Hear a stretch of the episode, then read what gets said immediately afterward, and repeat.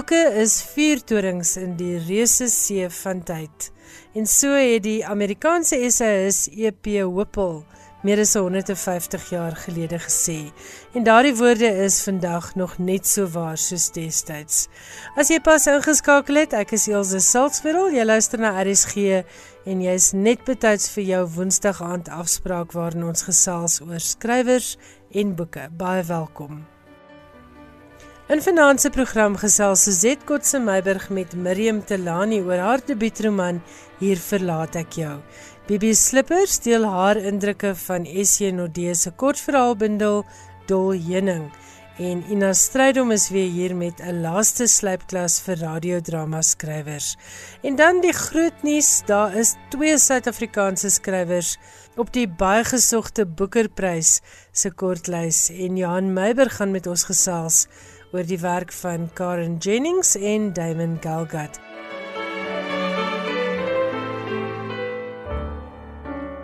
Eerste aan die beurt vanaand is Suzette Kotse Meiburg en Suzette gaan gesels met Miriam Telani oor haar nuwe roman Hier verlaat ek jou.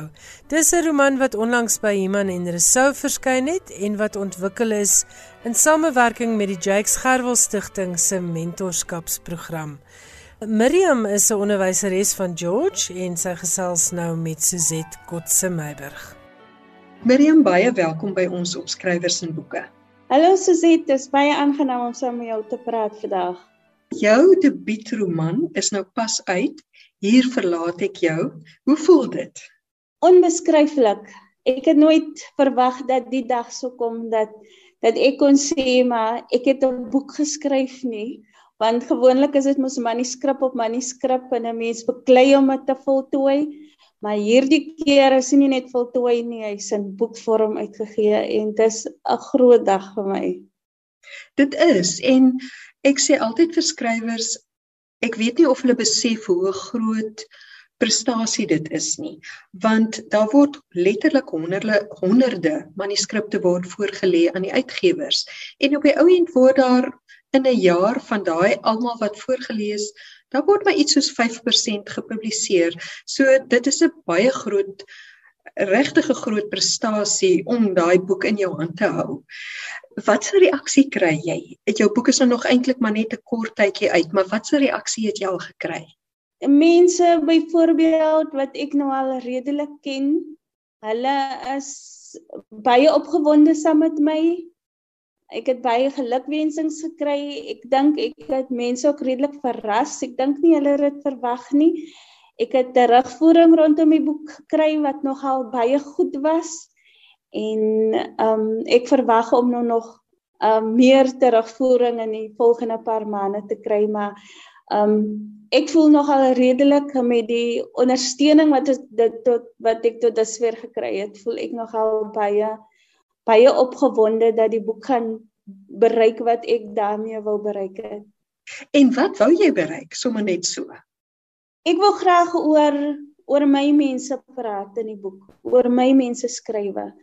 Ek wil eh, die boek gebruik as 'n spieël vir jong mense om te sê dat jy's nie afgesonder in jou ervaring nie. Dit gaan goed saam met jou al lyk dit asof jy lewe in 'n eiland en niemand verstaan en niemand niemand weet van jou uh, drome en verwagtinge in die lewe nie. Dit is nou sommer 'n goeie antwoord om my te bring by jou agtergrond. Ek is altyd so geïnteresseerd in 'n skrywer se agtergrond. Wat het 'n skrywer gevorm?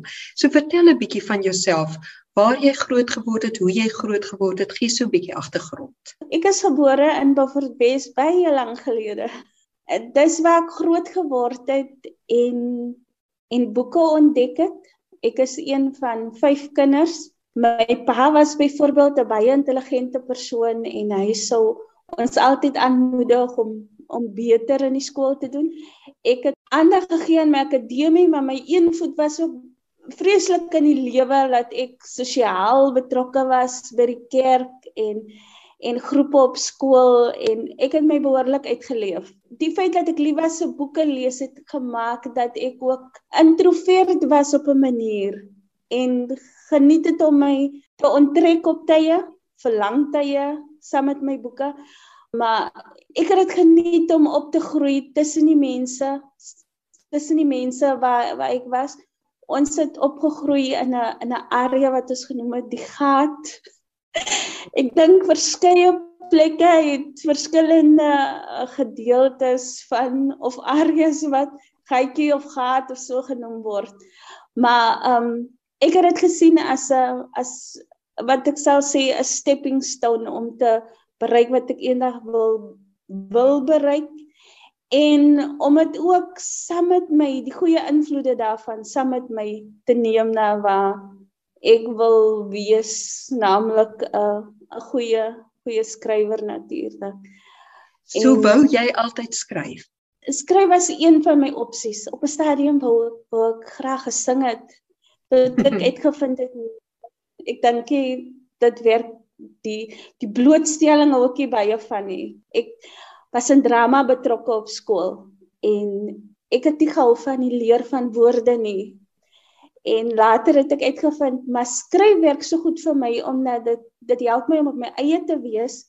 Ek hoef nie net noodwendig in 'n span van meta saam te werk. Die span werk kom later, maar dis 'n baie individuele ehm um, ak aktiwiteit en dit het my nogal redelik gepas.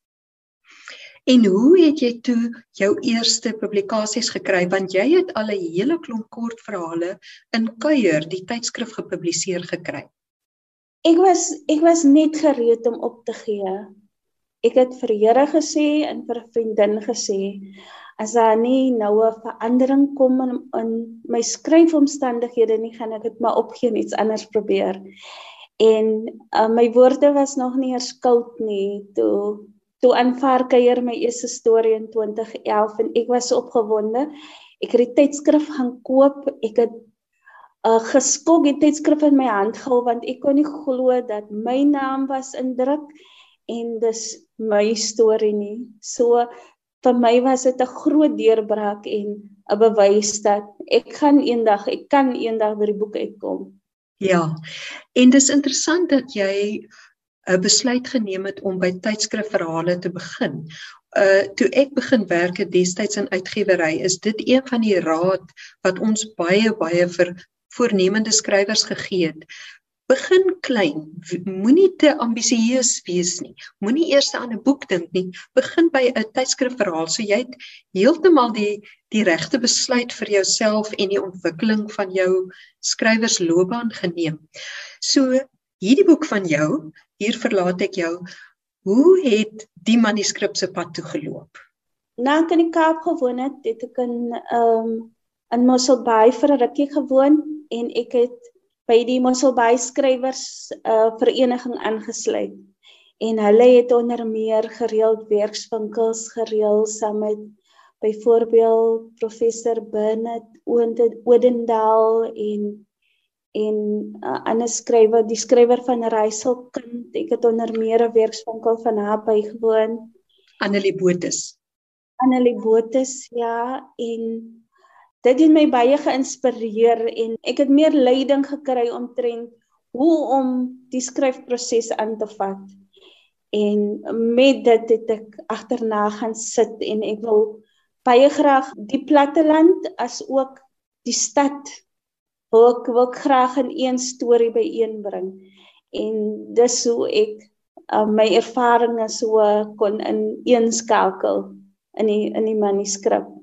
Ek het een vakansie het ek besluit ek pos nou die manuskrip vir vir Human and Result en ek het dit vir hulle gestuur, gedruk, gestuur en toe vind ek uit maar ek het nie 'n selfoonnommer of 'n e-posadres of enigiets by nie en ek het agterna te vinnig vir hulle 'n e-pos gestuur en gesê maar dis my e-posadres vir enige terugvoering.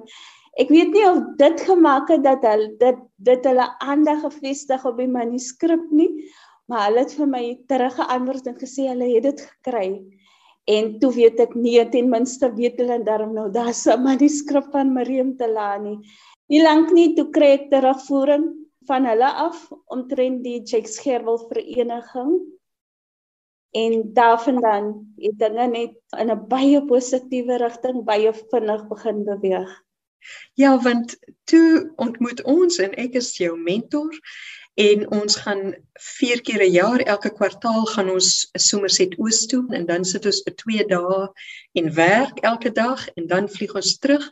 So toe is dit 'n amper asof ons jou manuskrip op 'n manier begin in 'n werkswinkel aktief beginne bespreek. Wat was vir jou van hierdie mentorproses? Wat was vir jou die moeilikste? Die moeilikste was om seker te maak dat ek elke oomblik wat ek saam met jou as mentor spandeer het, dat ek die maksimum sou leer en die vermoë om dit te gaan toepas want indien ek nie dit sou regkry nie sou dit vir my 'n vreeslike mors van tyd gewees het en en natuurlik bronne. So so vir my was dit baie belangrik om om die tyd te gebruik, nuttig te gebruik om te leer en ek het verskriklik baie geleer. Wat was die lekkerste van die gerwe projek? Behalwe die mense wat ek ontmoet het. dit was nee, nee, ons was so 'n lekker groep uh hierdie groep van sewe mense. Ons het so lekker saam gekuier. Ehm um, kom ons kom ons gaan na jou boek toe, jou storie. Vertel my eers van Zenobia. Hierdie is 'n liefdesverhaal en ons hoofkarakter is Zenobia. Vertel 'n bietjie meer van haar. Zenobia is 'n is 'n dametjie wat wat in platteland is en nou in die stad woon en werk die feit dat sy nou in die stad is is vir haar soort van 'n tweede lewe. Want sy het redelik vir op die platteland op die Prins Albert waar sy groot geword het het sy na, natuurlik en redelik uitgeleef. So so die was nou soort van 'n nie 'n tweede kansie maar 'n tweede 'n tweede fase van 'n jong mens lewe en veral om as jong volwassene te kon werk in die stad en vriendskappe te bou. So vir haar was dit 'n besonderse tyd in die sin dat sy aan die begin van haar volwasse lewe vir 'n ander plek as die as 'n dorp bevind. En vir die eerste keer is sy ook, sy bly nou in 'n woonstel en sy het 'n woonstelmaat, Palesa. Voorheen het sy by 'n tante van haar gebly. So dis ook daai ding van 'n jong meisie wat amper vir die eerste keer as 'n groot mens op haar eie staan. Maar jou storie is nie net 'n liefdesverhaal nie, dis ook 'n liefdesdriehoek en dit is waar die titel vandaan kom. Hier verlaat ek jou. Iemand word iewers verlaat. So vertel 'n bietjie van die twee jong manne wat nou uh in Zenobia se lewe is. In die eerste plek is daar Mondial en dis die laaste persoon wat sy verwag om raak te loop in die Grote Kaap. So dis 'n baie groot verrassing wanneer sy nie net vir hom raak loop nie, maar uitvind maar dat hy baie nou verbind is eintlik saam met haar woonstel maar nou neem hy vaart terug na groot word daartoe en die crush wat sy op op hom gehad het terwyl hulle groot geraak het terwyl sy 'n jong meisie was. So sy sit saam met daai ervaring wat sy nou verwerk. Iemand uit die verlede wat nou weer kom. En dan is daar dan het sy ook nou die nuwe mense wat sy wat sy nou ontmoet in 'n in 'n jong volwasse lewe en 'n persoon soos Ayanda aantreklike jong swart man interesseer haar sommer van die begin af verskriklik baie want nou beweeg sy buite haar uh, ervaringsveld van mense saam met wie sy gewoond is om mee om te gaan. Sy kan nie aan die skierigheid bedwing nie en wil graag van Janda beter leer ken en natuurlik is die gevoel wederzijds want vind ook na 'n baie interessante persoon wat hy nie verwag het wat hy sou raakloop in sy omgang saam met ehm um, Palessa se vriende nie. En ons gaan nou glad nie verder die uh, einde verklap oor hierdie twee mans wat nou eintlik in mededinging is vir Zenobia uh, se hand nie.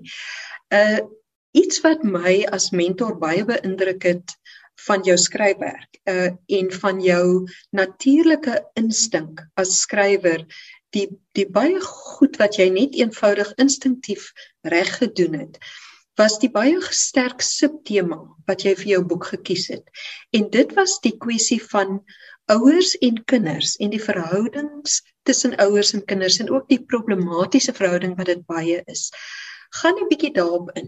Terwyl ek groot geword het in Beaufort Wes, het iets my geweldig opgeval. Dit was natuurlik dat ehm um, as gevolg van werkomstandighede of werkloosheid het baie jong mense dikwels in die Kaap gaan werk. En vir ons as kinders was die Kaap die magical place. Die plek was weet wat so wonderlik en glamorous is en en ons het net geweet gehoor nie daai ene skaap toe maar dan sou die persoon baie dikwels uh, na jaar of maande terugkom uh, dikwels met 'n wonderlike vreugde mm. en dan sou ouma sou sou die klein ding groot maak en dan sou en dan sou sy weer teruggaan na lewe was sy werk in die Kaap en en dit dis iets wat my besonder baie opgeval het. En dan was dit dikwels niggies en neefies wat saam saam gewoon het en saam by ouma groot geraak het. En dit was nogal iets wat my redelik gefassineer het as kind en terwyl ek opgegroei het. So ek wil daai uh waarneming wil, wil baie graag neerskryf of deel saam met lesers. En dan het dit ook gebeur dat dikwels het het die die kinders natuurlik nou nie geweet wie is hulle vader nie eens heel dikwels sonder 'n vader groot geraak. En dis waar Sinovia groot raak saam met die soort van verlatenheid maar waar behoort ek? Ek wil iewers behoort en en ek sal ek kan rus alvorens ek nie weet maar hoe skakel ek in in 'n familie opset in 'n familieverbintenis soos ons nou gesels het en gekuier het daar by Polethuis het ek ook uh, agtergekom jy's 'n baie groot leser wat ook 'n uh, ek wil amper sê 'n voorvereiste is vir 'n skrywer iets wat ek ook by my kollegas geleer het toe ek in uitgewery begin het is is min mense kan werklik goeie skrywers wees as hulle nie ook goeie lesers is nie. So vertel 'n bietjie van jou liefde vir lees, watter boeke en watter skrywers beïnvloed jou werk? Die afgelope paar jaar het ek my redelik opgehang aan aan romanse. Daar was 'n tyd wat ek ernstige letterkunde gelees het, maar ek het meer begin ontspan die afgelope jare en meer romanse veral Engelse romanse ook gelees. Afrikaanse skrywers wat my oor die algemeen baie beïndruk het, was iemand soos Andre Brink wat my as 'n jong meisie bewus gemaak het van die die politieke situasie binne in Suid-Afrika en dan het ek mense soos Etienne Leroux en Etienne van Heerden en en Ina Marie en daai konsale boeke het ek het ek verslind op 'n stadium en um ek hoop om weer op 'n op 'n sterk dieet van letterkunde te gaan, letterkundige werke te gaan. en jy is 'n onderwyseres, dit is jou beroep. Uh jy gee ook Afrikaans. Wat vind jy met jong mense vandag? Lees kinders nog? Lees hulle nog boeke? Ek kry die indruk jong mense weet nie jy's meer wat is wat is 'n boek nie om eerlik te wees. Uh die belangstelling rondom lees is is is maar baie is nou maar baie min.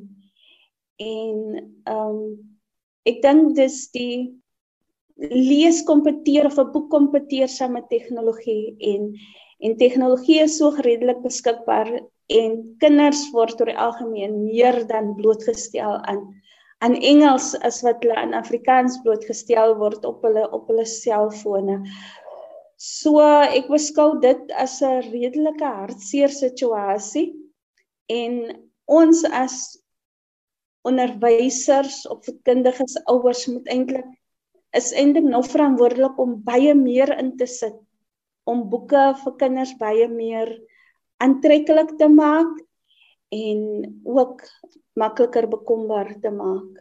Want dit is soos jy sê, dis makliker om hier en daar vinnig uh R10 vir uh, ligtyd in die hande te kry of R20 as om oor die R200 in die hande te moet kry vir 'n boek, nê? Nee. Ja, dit dit dit is so.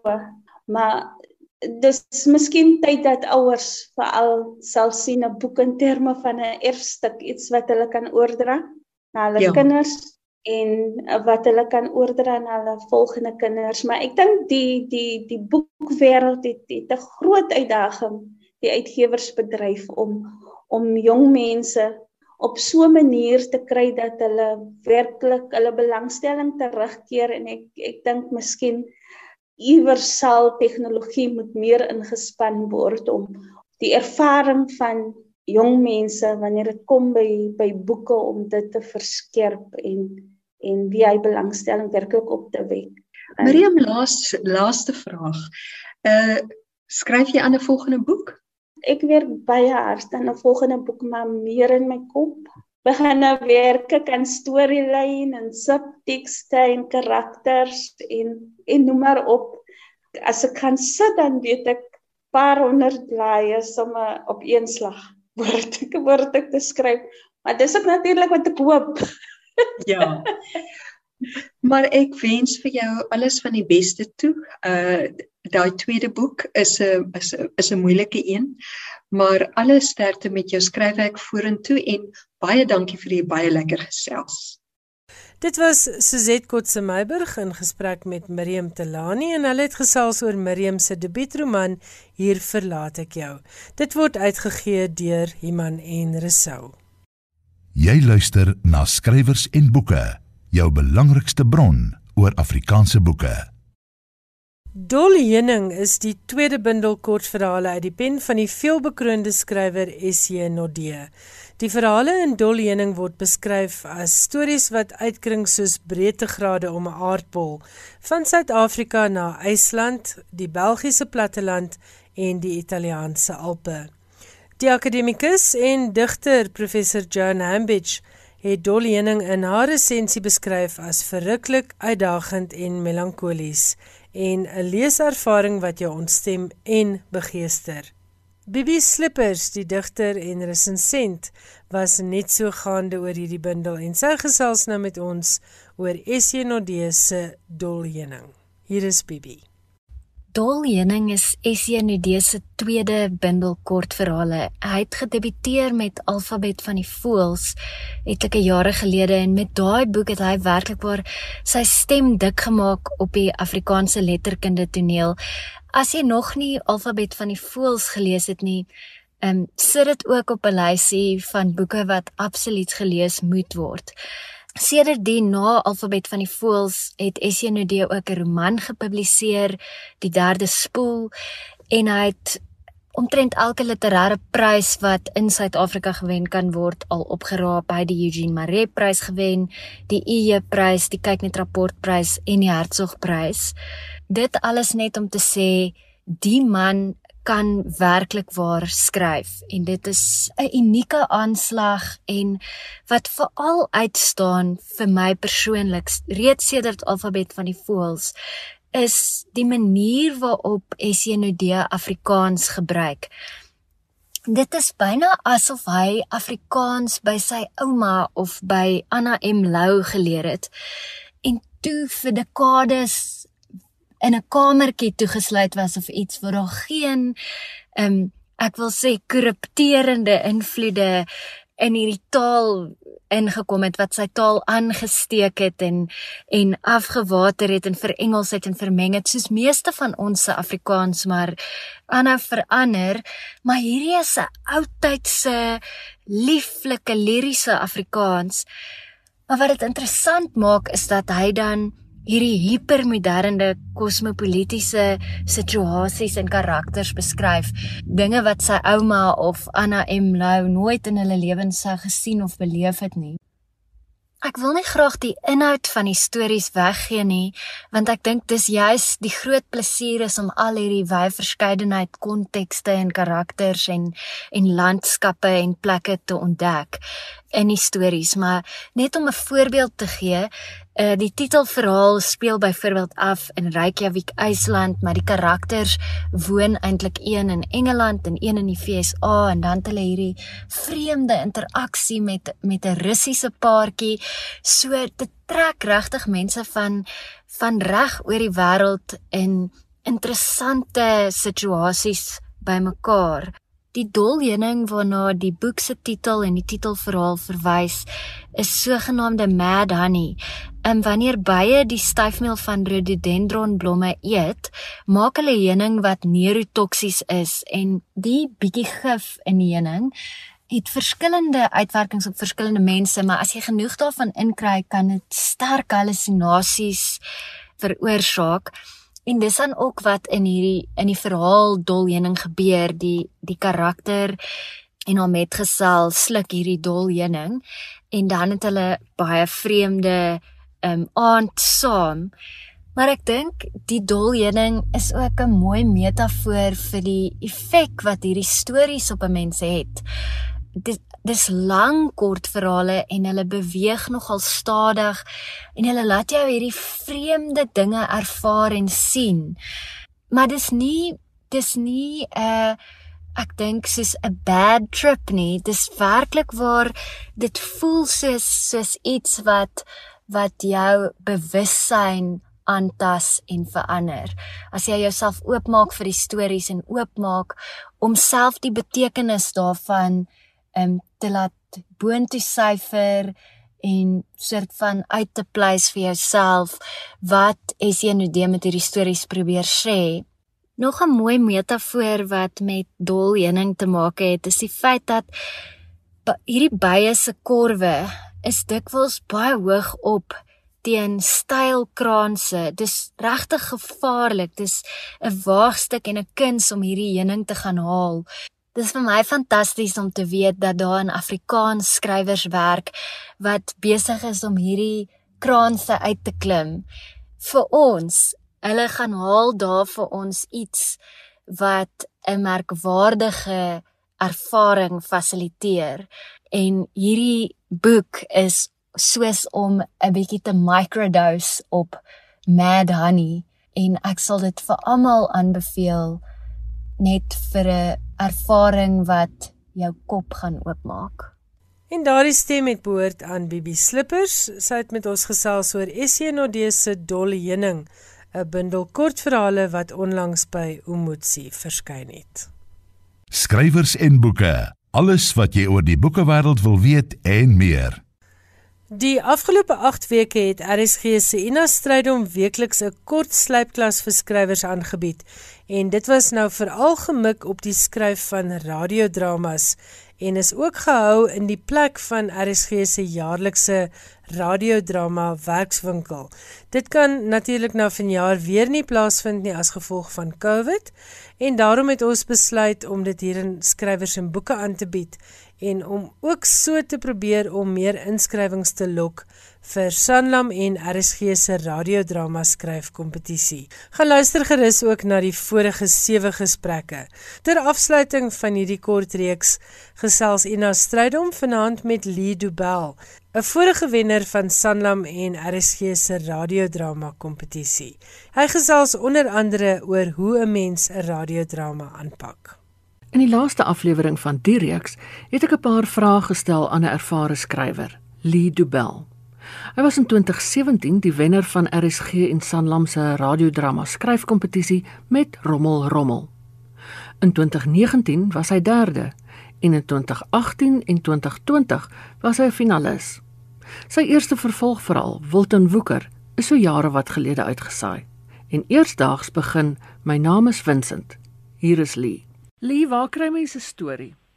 Jong, en dan dis 'n dis 'n vraag wat wat altyd aan 'n skrywer gevra word en ek dink ons moes meeste van die tyd sê maar ek het geen idee nie, ek het net die storie in my kop en ek skryf hom, maar as ek regtig daaroor moet dink, dan is daar altyd iets wat die oorsprong van 'n storie is en, en vir my dis nooit dieselfde ding met el, elke storie het 'n ander oorsprong en ek, ek dink as jy as jy na stories soek, moet jy net oplet wat om jou aangaan. Skakel die radio aan, luister na nuus, luister na ander dramas, uh koop 'n koerant, lees 'n koerant, lees 'n boek.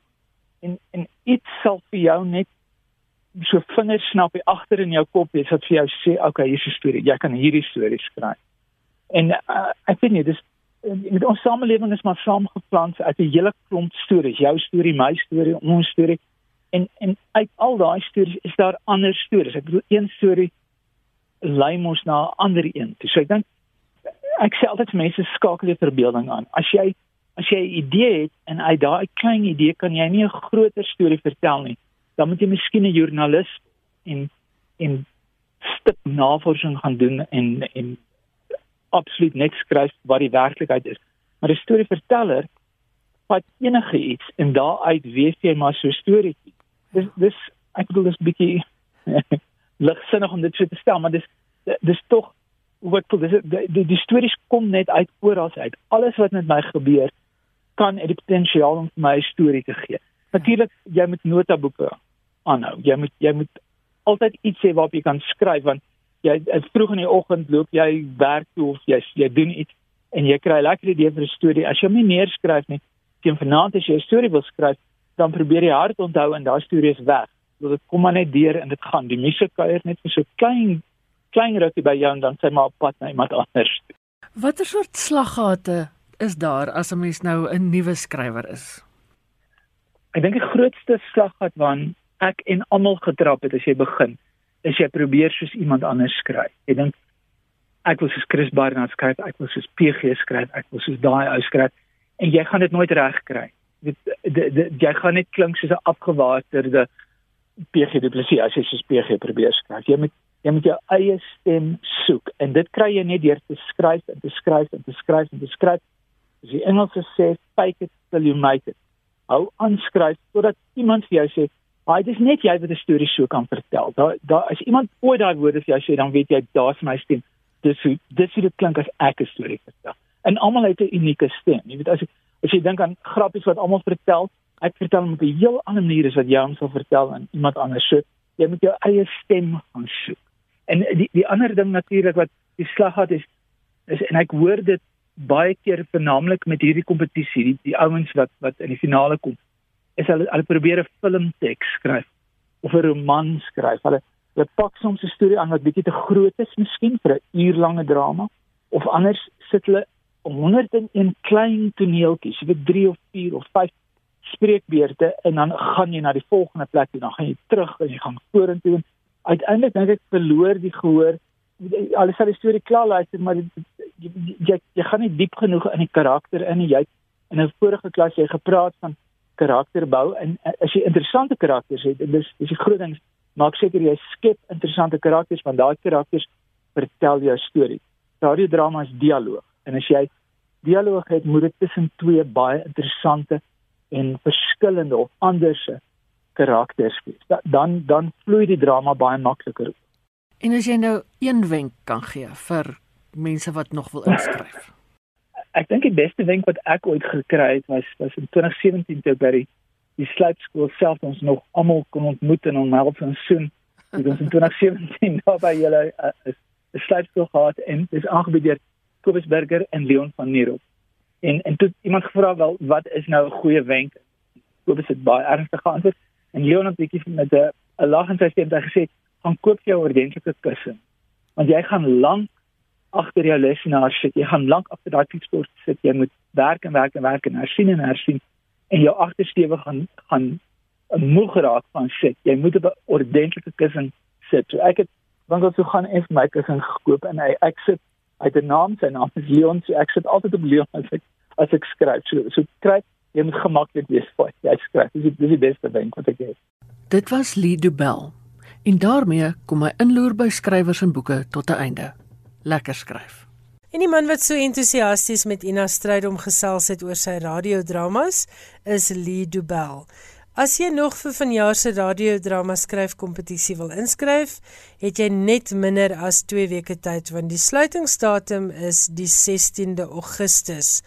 En maak gerus 'n plan om in te skryf want daar is kontantpryse van altesaam R115 000 op die spel. As jy nog meer raad kort as wat Ina vir jou in die slypklasse gebied het, gaan loer ook gerus op ons webwerf by rsg.co.za want daar is 'n handleiding oor die skryf van radiodramas wat jy kan aflaai. En al die inligting oor die radiodrama skryfkompetisie is ook daar op die webwerf. Nou is Jan Meiberg aan die beurt. Hy gaan gesels oor die groot nuus, die twee Suid-Afrikaners op die kortlys van die Boekerprys En dan is daar ook 'n insetsel oor die Nigeriese skrywer Chimamanda Ngozi Adichie wat onlangs tydens 'n virtuele lesing van die Universiteit van Kaapstad gesels het. Jy kan ook luister na 'n kort uittreksel uit daardie lesing. Hier is Johan. Die 13 boeke wat meeding om vanjaar se Boekerprys, die sogenaamde Booker Dozen, is verlede week aangekondig en daar is wyd bespiegeling dat Kazuo Ishiguro die prys vir die tweede keer kan verower met sy agste roman Clara and the Sun. Die 66-jarige Japans-Britse skrywer het die prys in 1989 verower met The Remains of the Day. Hy was by 3 ander geleenthede op die kortlys. Clara and the Sun is Ishiguro se eerste roman nadat die Nobelprys vir letterkunde in 2017 aan hom toegekend is. Maar laat ons sake nie vooruitloop nie. In die uitgeleese geselskap is daar ook nie minder as twee Suid-Afrikaanse skrywers wat meeding om die gesogte prys nie. Karen Jennings en Damon Galgut. Galgut is aanspraakmaker met The Promise, sy jongste roman. Dit is Galgut wat in 1982 gedebuteer het met A Sinless Season, sy negende roman. Met The Good Doctor van 2003 het hy die kortlys van die Boekerprys gehaal en 2 jaar later met die einste boek die kortlys van die internasionale Dublin Letterkundeprys. Die beoordelaars het van The Promise gesê dit is 'n roman waarin niks is waarna dit lyk nie. Die vertellers oog is so ontwikkel dat dit nie net alles sien nie, maar as dit ware dwars deur alles sien. Dit is deur die oog dat die lot van 'n Suid-Afrikaanse gesin met ou geheime en ou wonde en 'n donker geskiedenis beslot van rekening die lot van die land self word. Met The Island het Jennings op haar beurt die beoordelaars beïndruk met haar verhaal van 'n man wat homself in ballingskap afsonder van ander mense net om deur die einste mense gesmeek te word om hulp mense wat hulle self op 'n ander manier in ballingskap bevind. Die boek word beskryf as 'n roman oor verlies, politieke onrus, identiteit en geskiedenis, alles weergegee in uitsonderlike prosa. Jennings se eerste roman, Finding Southbeck, het in 2012 verskyn en haar eerste digbundel, Space Inhabited by Echoes in 2018. Sy woon tans in Brasilië. Die volledige lys van 13 boeke wat in aanmerking kom en waaruit 'n kortlys aangewys word is A Passage North van Anouk Arutpragasam, 'n skrywer wat in Sri Lanka en Indië werk. Second Place van Rachel Cusk, Kanadeesgebore skrywer wat deesdae in Engeland woon. The Promise van Damon Galgut. The Sweetness of Water van Nathan Harris, Amerikaanse skrywer wat in Texas woon.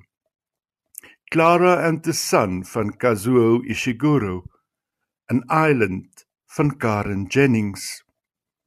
A Town Called Solace van Mary Lawson, 'n Kanadese skrywer. No one is talking about this van die Amerikaanse skrywer Patricia Lockwood. The Fortune of Men van Nadifa Muhammad 'n Somali skrywer wat in Londen woon, Bewilderment van die Amerikaanse skrywer Richard Powers, China Room van die Britse skrywer Sunyef Sahota, Great Circle van die Amerikaanse skrywer Maggie Shipstead en Light Perpetual van Francis Pufford, 'n Engelse skrywer wat in Cambridge woon. Die kortlys word op 14 September aangekondig en die wenner op 3 November.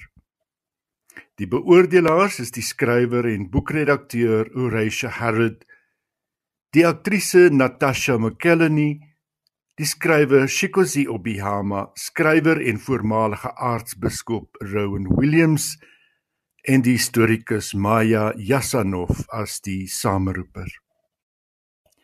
Die Nigeriese skrywer Chimamanda Ngozi Adichie het verlede week 'n rekordgetal kykers gelok met haar aanlyn lesing wat deur die Universiteit van Kaapstad aangebied is. Die universiteit bied jaarliks met sy fisiekanseliers oop lesing die breër gemeenskap die geleentheid om eerstehands kennis te maak met die sienings van plaaslike akademici en navorsers, maar ook met die van meningsvormers in die buiteland.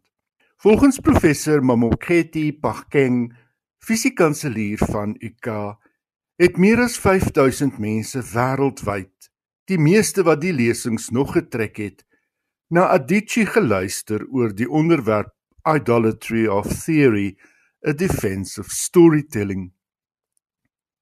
As vertrekpunt het sy verhaal hoe 'n vrou jare gelede in 'n gesprek oor seksisme haar eie teorie geskoei op ervaring met die groep gedeel het. Dikwels se sommige vroue hul eie grootste vyande, het die vrou gesê.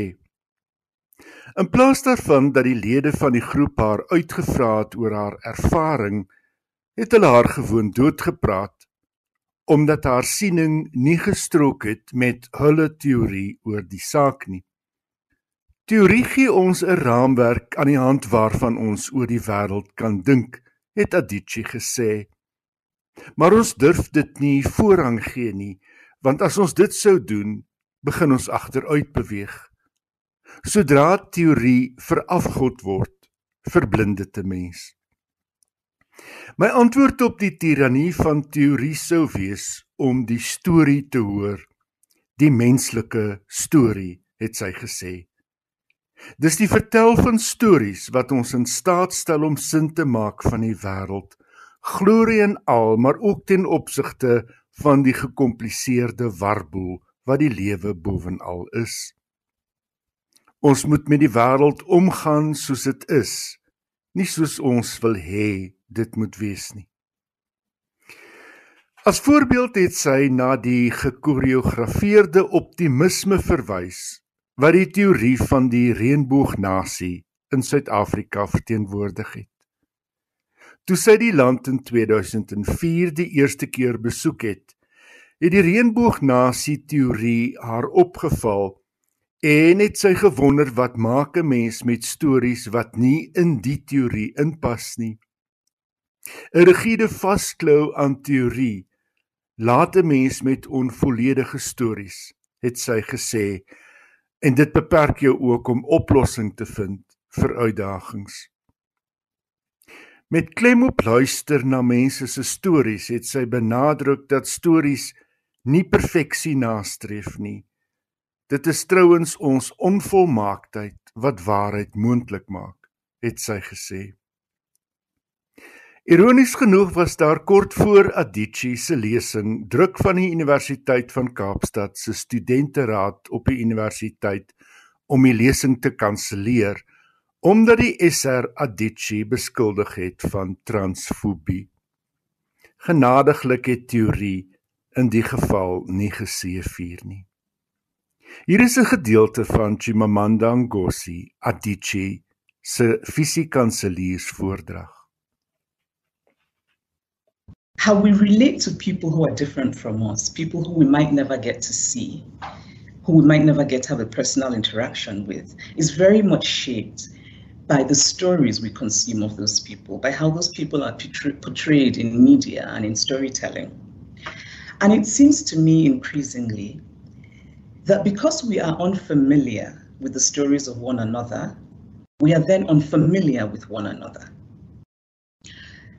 A friend of mine a man from Western Europe, once told me that he had bought Michelle Obama's memoir, Becoming, as gifts for all of his women friends.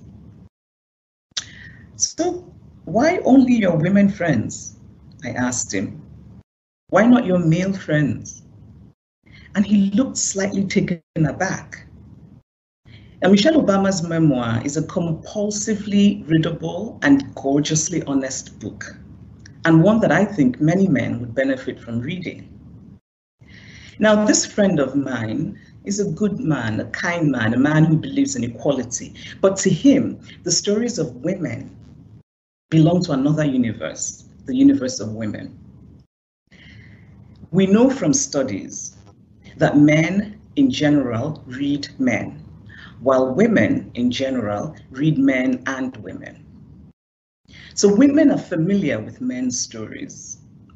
which in some ways is why we live in a world where the idea of men as universal, and not just universal, but neutral, the idea of men as universal and neutral thrives.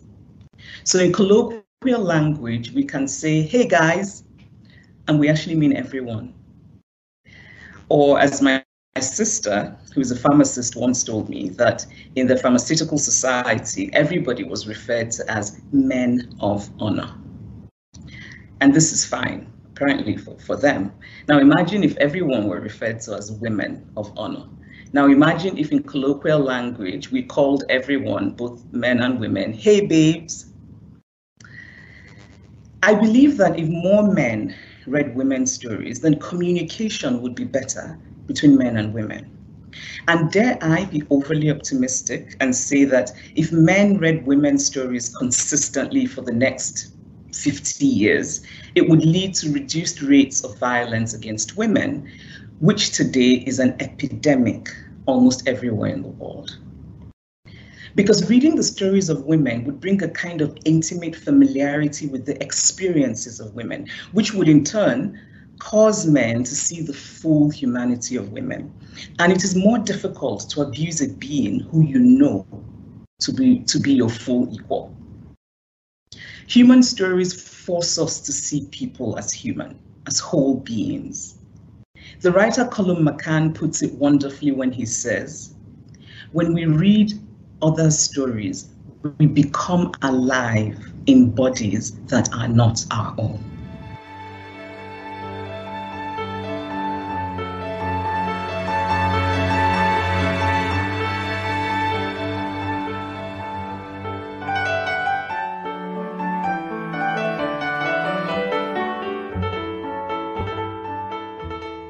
Dit was die stem van die Nigeriese skrywer Chimamanda Ngozi Adichie en dit is opgeneem tydens 'n virtuele lesing deur die Universiteit van Kaapstad. Baie dankie Johan, interessante insetsels soos altyd. Dis ongelukkig alwaarvoor ons tyd het in finansies skrywers en boeke, maar onthou van koop 'n Afrikaanse boekdag. Dit is oudergewoonte weer vanjaar op die 14de Augustus. Met ander woorde volgende naweek. Volgende Woensdag aand hoop ek om 'n bietjie meer inligting te hê oor al die spesiale aanbiedinge tydens hierdie wonderlike dag waarop mense aangemoedig word om die Afrikaanse boekbedryf en spesifiek ook Afrikaanse skrywers te ondersteun. En as jy enigsins kan, koop asseblief volgende naweek 'n Afrikaanse boek of twee en ondersteun so Afrikaanse skrywers. Hulle kry tans baie swaar, nie net weens al die inperkings wat ook boekverkope nadele geraak het nie, maar veral ook weens 'n onrusbarende nuwe verskynsel waar mense elektroniese weergawe van Afrikaanse boeke deel en steel op sosiale media. Ongelukkig kan ek dit niks anders noem as diefstal nie. Dit is 'n kriminele oortreding ingevolge al die landswette, maar dit is ook 'n morele probleem dat mense een eksemplaar van 'n boek koop en dit dan onder honderde mense gratis versprei op sosiale media. En as ons nie hierdie ding in die bek ruk nie, dan gaan ons die Afrikaanse boekbedryf heeltemal op sy knieë dwing. Daar is klaar 'n klomp skrywers wat dreig om op te hou skryf in Afrikaans en dink net wat dit aan die voortbestaan van ons taal gaan doen. Ek weet ek preek nou waarskynlik vir die koor want ek dink nie skrywers en boeke luisteraars is sulke mense nie. Ek ken julle as mense wat baie lojaal is aan die boekbedryf. Maar asseblief versprei die woord dat daar volgende naweek groot afslag sal wees op Afrikaanse boeke en ondersteun asseblief ons Afrikaanse skrywers. Tot volgende Woensdag aand om 8uur groet ek Elsje Salzveld. Ek hoop jy het 'n fantastiese week met genoeg boeke en dat jy warm en veilig is. Onthou ook RSG is hier vir jou. Ons is 24 uur van die dag op die lug spesiaal om jou geselskap te hou. En onthou, hierdie slegte tye gaan ook verbygaan. Sterkte en totsiens.